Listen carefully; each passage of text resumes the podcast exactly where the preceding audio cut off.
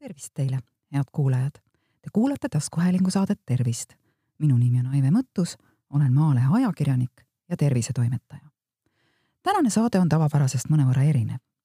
esiteks salvestan ma seda täiesti tuttuues stuudios, uue helipuldi taga, nii et minu hääl peaks teie kõrvu jõudma maheda, molbe ja väga kvaliteetsena.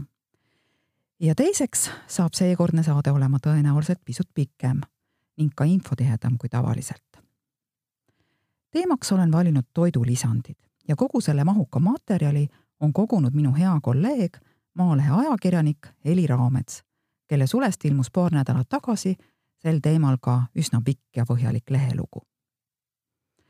kogu tõde toidulisanditest, nii pealkirjastas Heli oma artikli töövariandi. mina siiski nii uljalt väita ei julge. kogu tõde ma teile täna kindlasti ära rääkida ei suuda aga saade saab olema põhjalik ja loodetavasti leiate sellest endale palju kasulikku. saate jooksul kasutan ma mitmete teadlaste ja ja spetsialistide arvamusi ning seisukohti. loen nad äh, siis kohe hakatuseks kõik nimepidi äh, koos tiitlitega üles. proviisor ja Tartu Ülikooli meditsiiniteaduste valdkonna doktorant Kelly Somelar.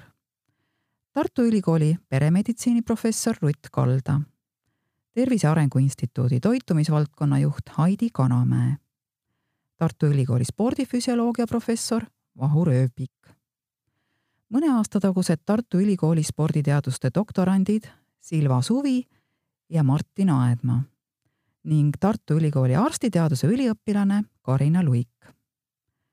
päris pikk nimekiri, eks? lisaks viitan ma mitmetele Eesti teadlaste uuringutele, mida on tutvustanud ERR-i teadusportaal Novaator. aga hakkame seda hiiglasuurt teemat siis tasapisi otsast arutama. toidulisandid, mis need on, kellele ja milleks? toidulisanditena käsitletakse aineid, mille kasutamise eesmärk on tavatoitu täiendada ning mis on inimesele toitainete või muude füsioloogiliste toimega ainete kontsentreeritud allikaks no näiteks kuuluvad toidulisandite hulka vitamiinid, mineraalained, oomega kolm rasvhapped, asendamatud aminohapped, kiudained, taimsed ja loomsed ekstraktid ning ka taimede värsked ja kuivatatud osad. tarbimise lihtsustamiseks on kogu see kraam kokku surutud väikesemõõdulistesse pakenditesse, no näiteks kapslitesse, pulbrikotikestesse, tablettidesse erinevalt ravimitest ei ole toidulisandid mõeldud äh, haiguste ennetamiseks, nende raviks ega ka leevendamiseks mitte. samuti puuduvad toidulisandite puhul erinevalt ravimist, ravimitest nõuded viia nendega enne müügile tulekut inimeste peal läbi kliinilise efektiivsuse ja ohutusalaseid uuringuid. Eestis tuleb uue toidulisandi turule viimiseks sellest Veterinaar- ja Toiduametit vaid teavitada, mingisugust luba taotleda ei ole vaja teatavaid aineid, eriti taimeekstrakte, kasutatakse aga ühtaegu nii toidulisandites kui ravimites. ja sellisel puhul tuleb iga kord langetada otsus, kas aine on toidulisand või ravim.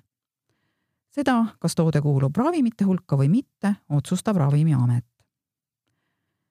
üldjuhul saadakse kõik inimese hea tervise ja normaalse arengu jaoks vajalikud toitained kätte mitmekülgsest toidust kui te toitute tervislikult, kui menüü on piisavalt vaheldusrikas, siis toidulisandite järele vajadust ei peaks olema, tõdeb Tartu Ülikooli peremeditsiini professor Rutt Kalda.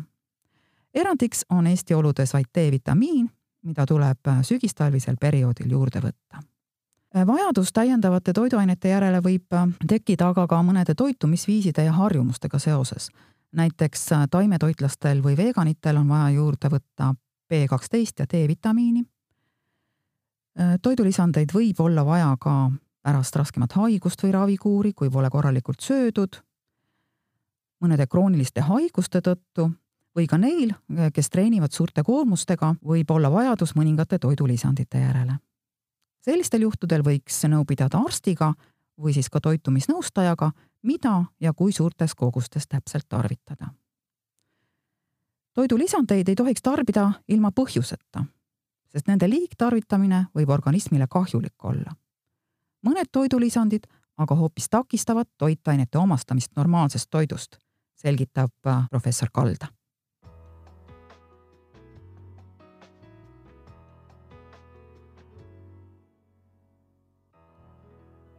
igal aastal räägitakse varakevadisel ajal kevadväsimusest ja sellega võitlemisest.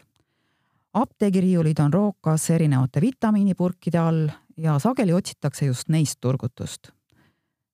kas purgivitamiine tasub võtta?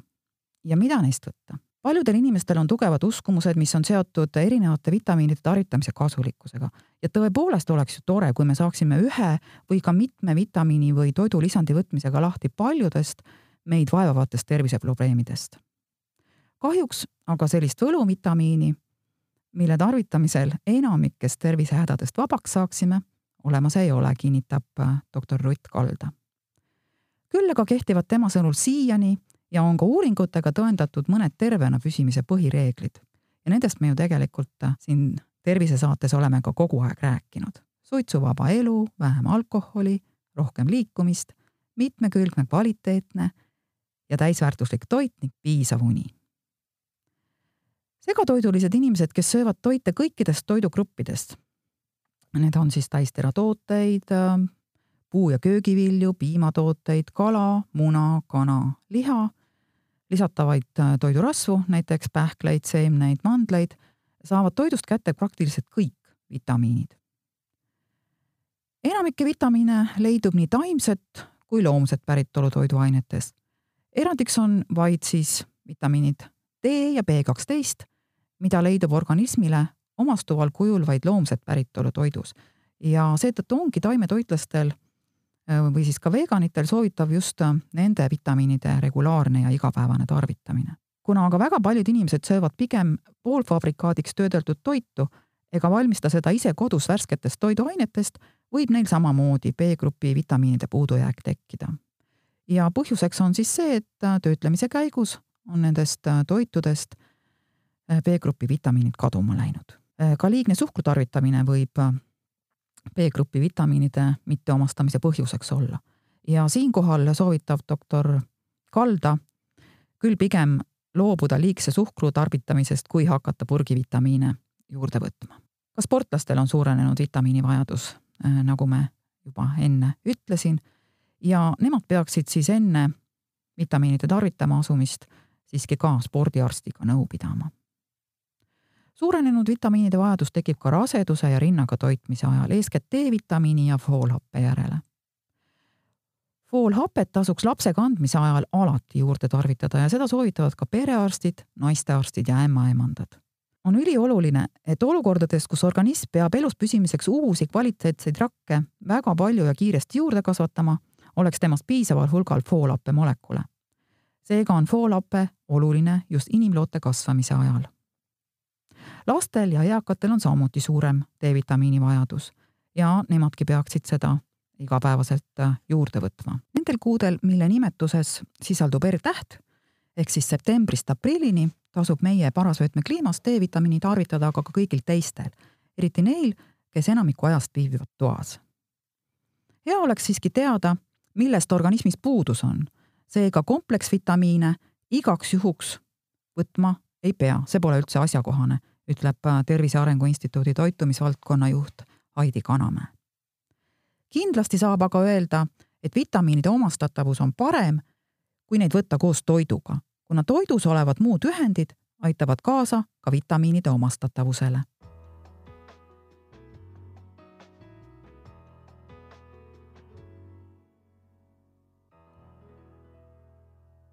Nonii, ja läheme siit edasi D-vitamiiniga, käsitleme seda natukene põhjalikumalt. hoolimata sellest, et ma talvel teile juba rääkisin sellest ühes saates, kordan põhiteed siiski veel kord üle, sest need on olulised. D-vitamiin tekib organismis valdavalt päikesevalguse toimel nahas. Eestis on päike D-vitamiini allikana meie geograafilise asukoha tõttu kasulik vaid kolm-neli kuud aastas kuid üksikud kuud on liialt vähene aeg vitamiinivarude tootmiseks terveks aastaks, mistõttu vajabki suur osa meist talve- ja kevadkuudel selle vitamiini lisamanustamist. kümme aastat tagasi ehk aastal kaks tuhat üheksa Tartu Ülikooli Kliinikumi sisekliinikus läbi viidud uuring tuvastas, et eestlaste seas on D-vitamiini puudus väga-väga laialt levinud. raske D-vitamiini puudus esines selle uuringu järgi talvel kaheksal ja vitamiini vähesus tervelt seitsmekümne kolmel protsendil täiskasvanutest. Kuid ka suvisel ajal oli D-vitamiini puudus ligi kolmandikul ehk kahekümne üheksal protsendil rahvastikust. aastal kaks tuhat üheksateist tuleb aga selle uuringu tulemusi tõlgendada pisut teisiti. ei ole mingit põhjust väita, et D-vitamiini puudus oleks eestlaste seas ka praegu väga laialt levinud ja seda kahel põhjusel esiteks tarbis toona, kümme aastat tagasi talveperioodil D-vitamiini purgist lisaks vaid kolm protsenti rahvastikust. Praegu on see näitaja kindlasti palju suurem. ja teiseks, kui tolles uuringus ja üldse varasema info kohaselt loeti optimaalseks D-vitamiini tasemeks veres rohkem kui seitsekümmend viis nanomooli liitri kohta, siis nüüd on arusaamu muudetud. nii Põhjamaade kui Eesti toitumissoovituste kohaselt peetakse D-vitamiini kontsentratsiooni viiskümmend nanomooli liitri kohta veres piisavaks. samas kui siis näit üle selle ei ole seotud suurema positiivse toimega tervisele. nii et näete, tervelt kolmandiku võrra on see optimaalne näit allapoole toodud. enamusel inimestest on siiski suure tõenäosusega näidustatud D-vitamiini manustamine toidulisandina septembrist aprillini, R-tähega kuudel aga ka toidus leidub D-vitamiini, kuigi sealt saadavad kogused on väikesed. Seda vitamiini sisaldavad näiteks kalatooted, maks ja muna. lisaks on võimalik leida meie poelettidelt D-vitamiiniga rikastatud piimatooteid.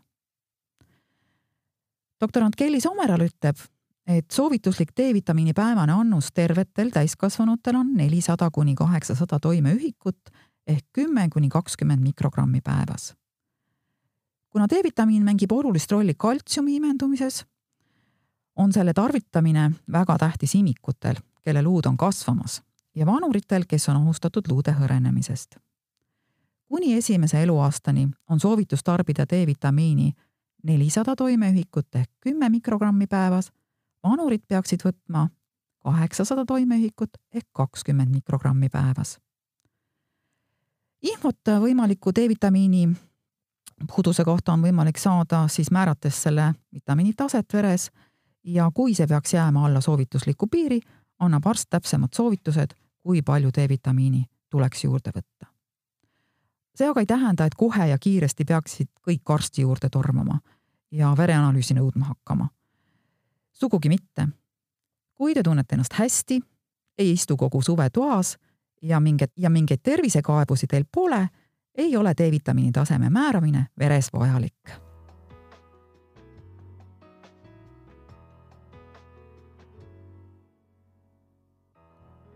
Nonii, ja järgmine huvitav alateema. sporditoidud. toidulisandite globaalne turg on äärmiselt mitmekesine ja suures osas moodustavad selle tooted, mille sihtrühmaks on sportlased ja kehaliselt aktiivse eluviisiga inimesed. samuti on saadaval väga palju erineva koostisega toidulisandeid, mis on suunatud neile, kes soovivad oma kehakaalu vähendada või siis ka selle suurenemist vältida. Tartu Ülikooli spordifüsioloogia professor Vahur Ööpik nendib, et osaliselt need kaks sektorit kattuvad, sest paljude alade sportlastel on kehakaalu kontrollimine ja reguleerimine treeningu ning võistlustegevuse lahutamatu osa sportlastele ja kehaliselt aktiivse eluviisiga inimestele suunatud toodete seas on viimasel ajal hakatud toidulisanditest eristama sporditoite.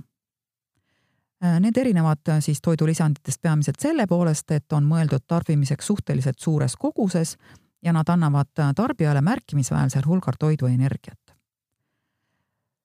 kuid sarnaselt toidulisanditega ei ole ka sporditoidud mõeldud tavatoitu asendama, vaid üksnes seda täiendama no sporditoitudena käsitletakse näiteks valgukotsentraate, mis enamasti on valmistatud kas piima või sojavalkudest, samuti spordijooke, spordikeele, vedelaid toitainete segusid.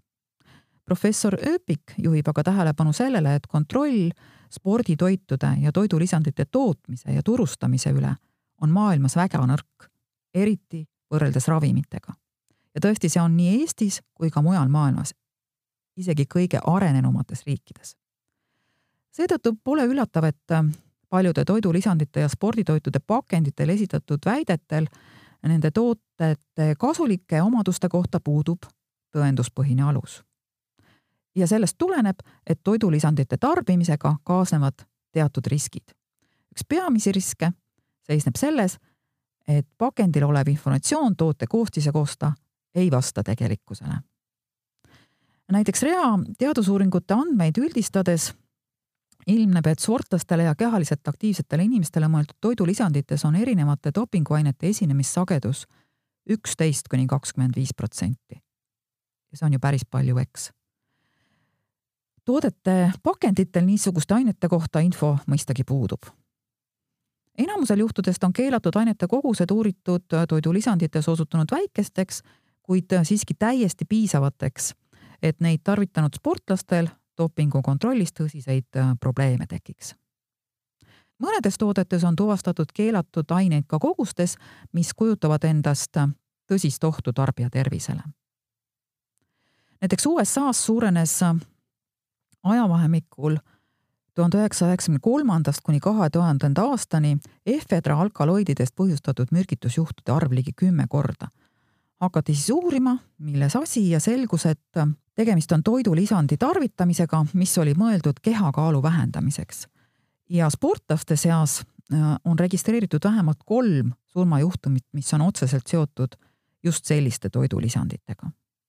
alates kahe tuhande neljandast aastast on USA-s kõnealuste alkaloidide kasutamine toidulisandites keelatud.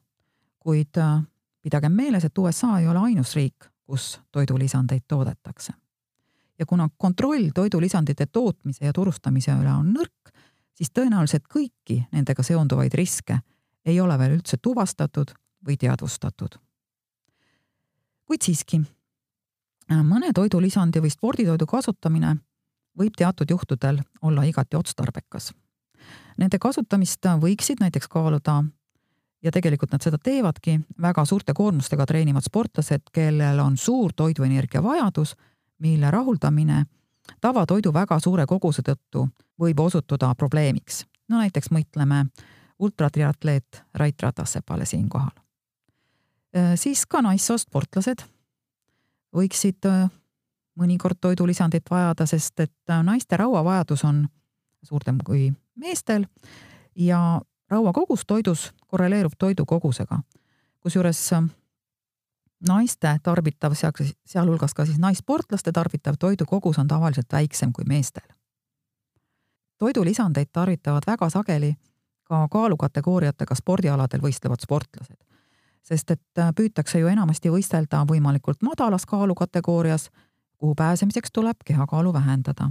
ja see omakorda tähendab, et tuleb lihtsalt vähem süüa ja nii võib tekkida äh, kergesti puudujääk teatud vitamiinidest ja mineraalainetest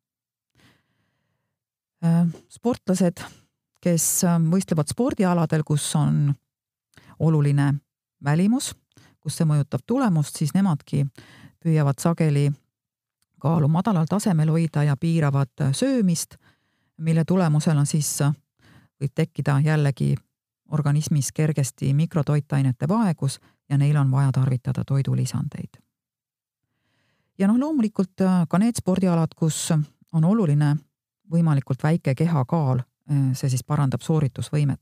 no näiteks pikaamajooksjad, kõrgus- ja kaugushüppajad, suusahüppajad ja teised. toidulisandid äh, võetakse käiku ka pikka aega kestvatel võistlustel. näiteks jalgratta maanteesõidus tarbivad sportlased märkimisväärse osa päevasest toiduenergiast sõna otseses mõttes sadulas olles, kus äh, tavatoidu söömine on praktiliselt võimatu. või siis näiteks kümnemõistlejad või maadlejad kes veedavad võistluspaigas terve päeva, mille vältel tuleb neil korduvalt olla valmis maksimaalseks soorituseks, aga aega söömiseks ei ole. ja noh, aeg on, on ka see faktor, mis sunnib mõnikord toidulisandeid tarvitama siis, kui seda napib taastumiseks. ka olgu siis kas treeningust või võistlussooritusest, sest sportlased treenivad ju sageli enam kui üks kord päevas mõned tooted, aga näiteks äh, spordijoogid, erinevad spordikeelid, batoonid sobivad äh, hästi kasutamiseks ka rahvaspordiüritustele osalejatele. aga kõige selle juures on oluline mõista, et need tooted on tõesti mõeldud tavatoidu täiendamiseks, mitte selle asendamiseks.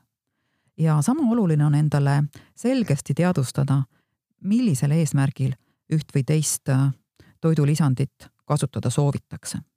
Vastavalt sellele siis tuleb valida sobiva koostisega usaldusväärse tootja toode. ja tähtis on ka õige kasutusviisi järgimine. manustatav kogus, manustamise ajastus, manustamise sagedus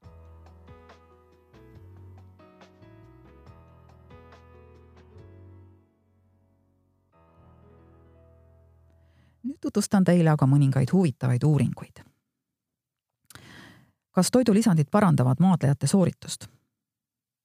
paljud sportlased tarbivad toidulisandeid, sest usuvad, et see muudab nende treeningut tõhusamaks ja parandab võistlustulemusi.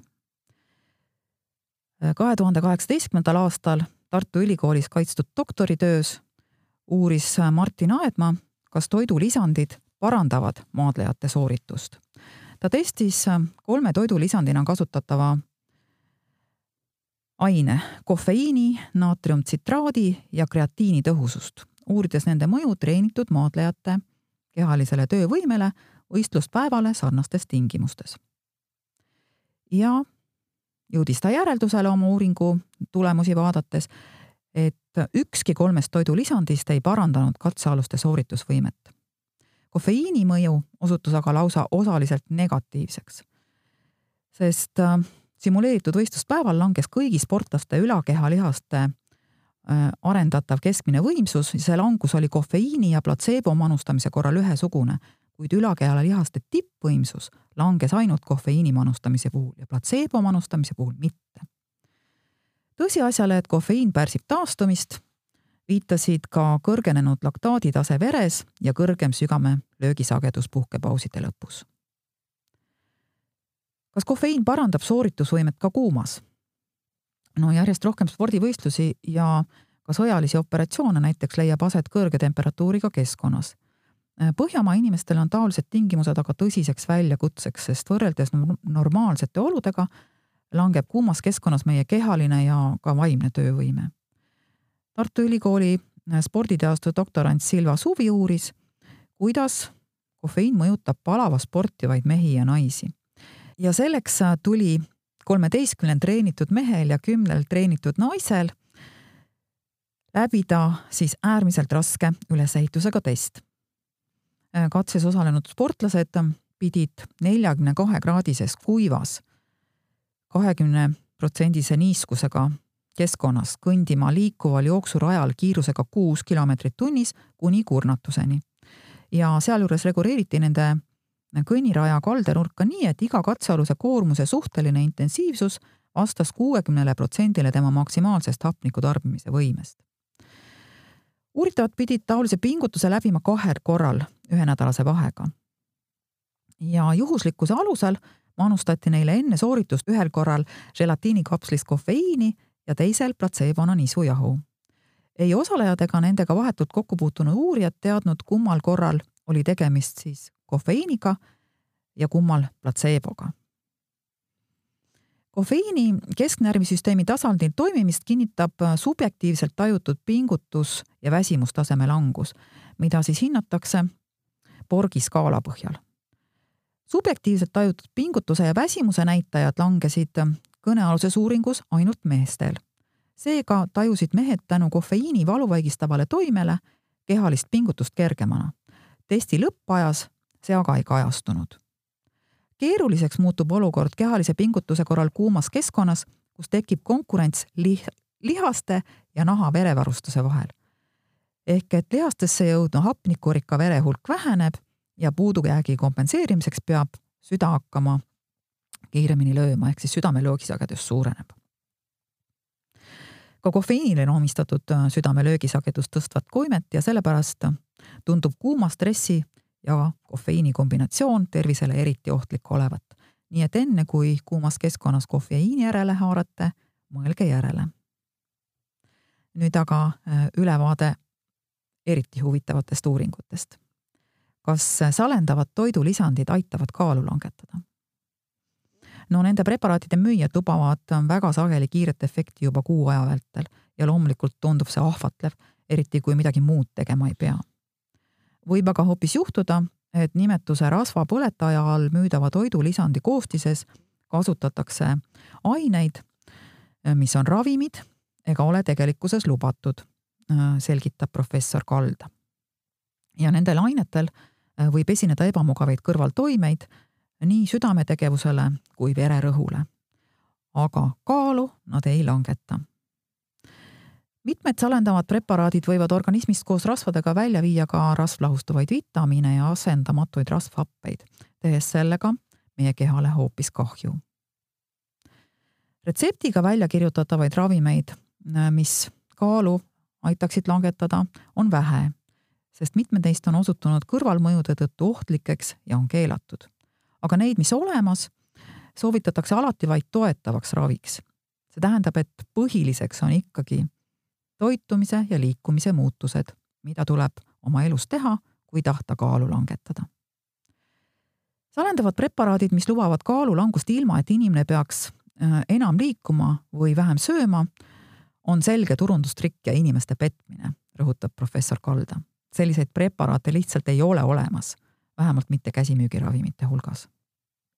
ja see puudutab ka muide preparaate, mille põhikomponendiks on kiudained kuigi kiudained on inimese soolestiku tööle väga kasulikud, siis lihtsalt ainult kiudaineid sisaldavaid äh, tablette kehakaalu langetamise eesmärgil võtta mõtet ei ole, sest nad lihtsalt ei langeta kehakaalu. professor Vahur Ööpiku sõnul on väga paljude populaarsete toidulisandite üheks või koguni peamiseks komponendiks karnitiin. ja selliste toidulisandite peamised väidetavad kasulikud omadused on kehakaalu vähenemise soodustamine ja vastupidavusliku töövõime suurendamine. karnitiini mõju inimese organismile on võrreldes paljude muude toidulisandites kasutatavate ainetega aga põhjalikult uuritud. ja nende uuringute tulemused ei kinnita, et karnitiini manustamine oleks toimiv meetod terve inimese kehakaalu vähendamiseks või töövõime parandamiseks. uuemad andmed näitavad koguni, et suures koguses karnitiini tarbimine võib soodustada ateroskleroosi teket otseselt äh, põhjusliku seose tuvastamiseks aga tuleb veel uuringuid teha. seega tervislik kaalulangus ei tule tablettidest, vaid ikkagi regulaarsest füüsilisest koormusest, tasakaalustatud toitumisest ja seda pika aja vältel. kuidas on aga raua tarvitamisega, kas see aitab aneemiaga rasedatel riske vähendada? Tartu Ülikooli arstiteaduse üliõpilane Karina Luik uuris äh, rasedaid naisi ja leidis, et rasedusaegne aneemia seondub äh, mitmete rasedustüsistustega. raseduse ajal suureneb naise veremaht ligikaudu äh, nelikümmend protsenti ja intensiivseks vereloomeks on vaja tavapärasest enam lau-, rauda. vastasel juhul võib kujuneda rauavaegus aneemia ehk punalibede vähesus veres, mis on üks levinumaid rasedusaegseid probleeme Äh, Luiga uuring näitab, et rauapreparaatide tarvitamine aitab tüsistuste tekkeriski vähendada, kuid ravist on kasu vaid nendel rasedatel, kellel juba on aneemia. kui aneemiat ei ole, siis rauapreparaatide tarvitamine loodetud tulu ei too.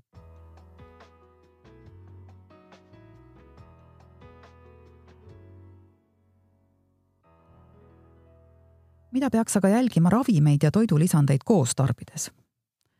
mõned toidulisandid võivad mõjutada ka ravimite toimet, imendumist ja ainevahetust. ohustatumad äh, on sellest inimesed, kes tarvitavad korraga mitmeid ravimeid. ravim on ette nähtud haiguse ravimiseks või haigusseisundi leevendamiseks. toidulisand aga tavatoidu täiendamiseks. ehk teisisõnu, toidulisandil ja ravimil on erinev kasutuse eesmärk ja toime. Toidulisandid võivad tugevdada või hoopis ka nõrgendada ravimitoimet. palju pahandust võivad toidulisandid tekitada kroonilise neeruhaigusega patsientidele, kelle neerufunktsioon on häirunud ja kellele mitmed toidulisandid võivad mõjuda just neerukude hävitavalt ja neerufunktsiooni kahjustavalt. doktorant Kelly Somelar hoiatab, et verevedeldajate tarvitajatel tuleks toidulisandeid kasutades eriti tähelepanelik olla, sest näiteks hõlmikpuu ehk ginkgo biloba ekstrakt ja ka küüslauku preparaadid võivad verd veelgi vedeldada ja seetõttu võib verejooksude oht suureneda. selline ravimtaim nagu naistepuna võib vähendada teatud ravimite toimet, kuna soodustab maksas raviainete metabolismi.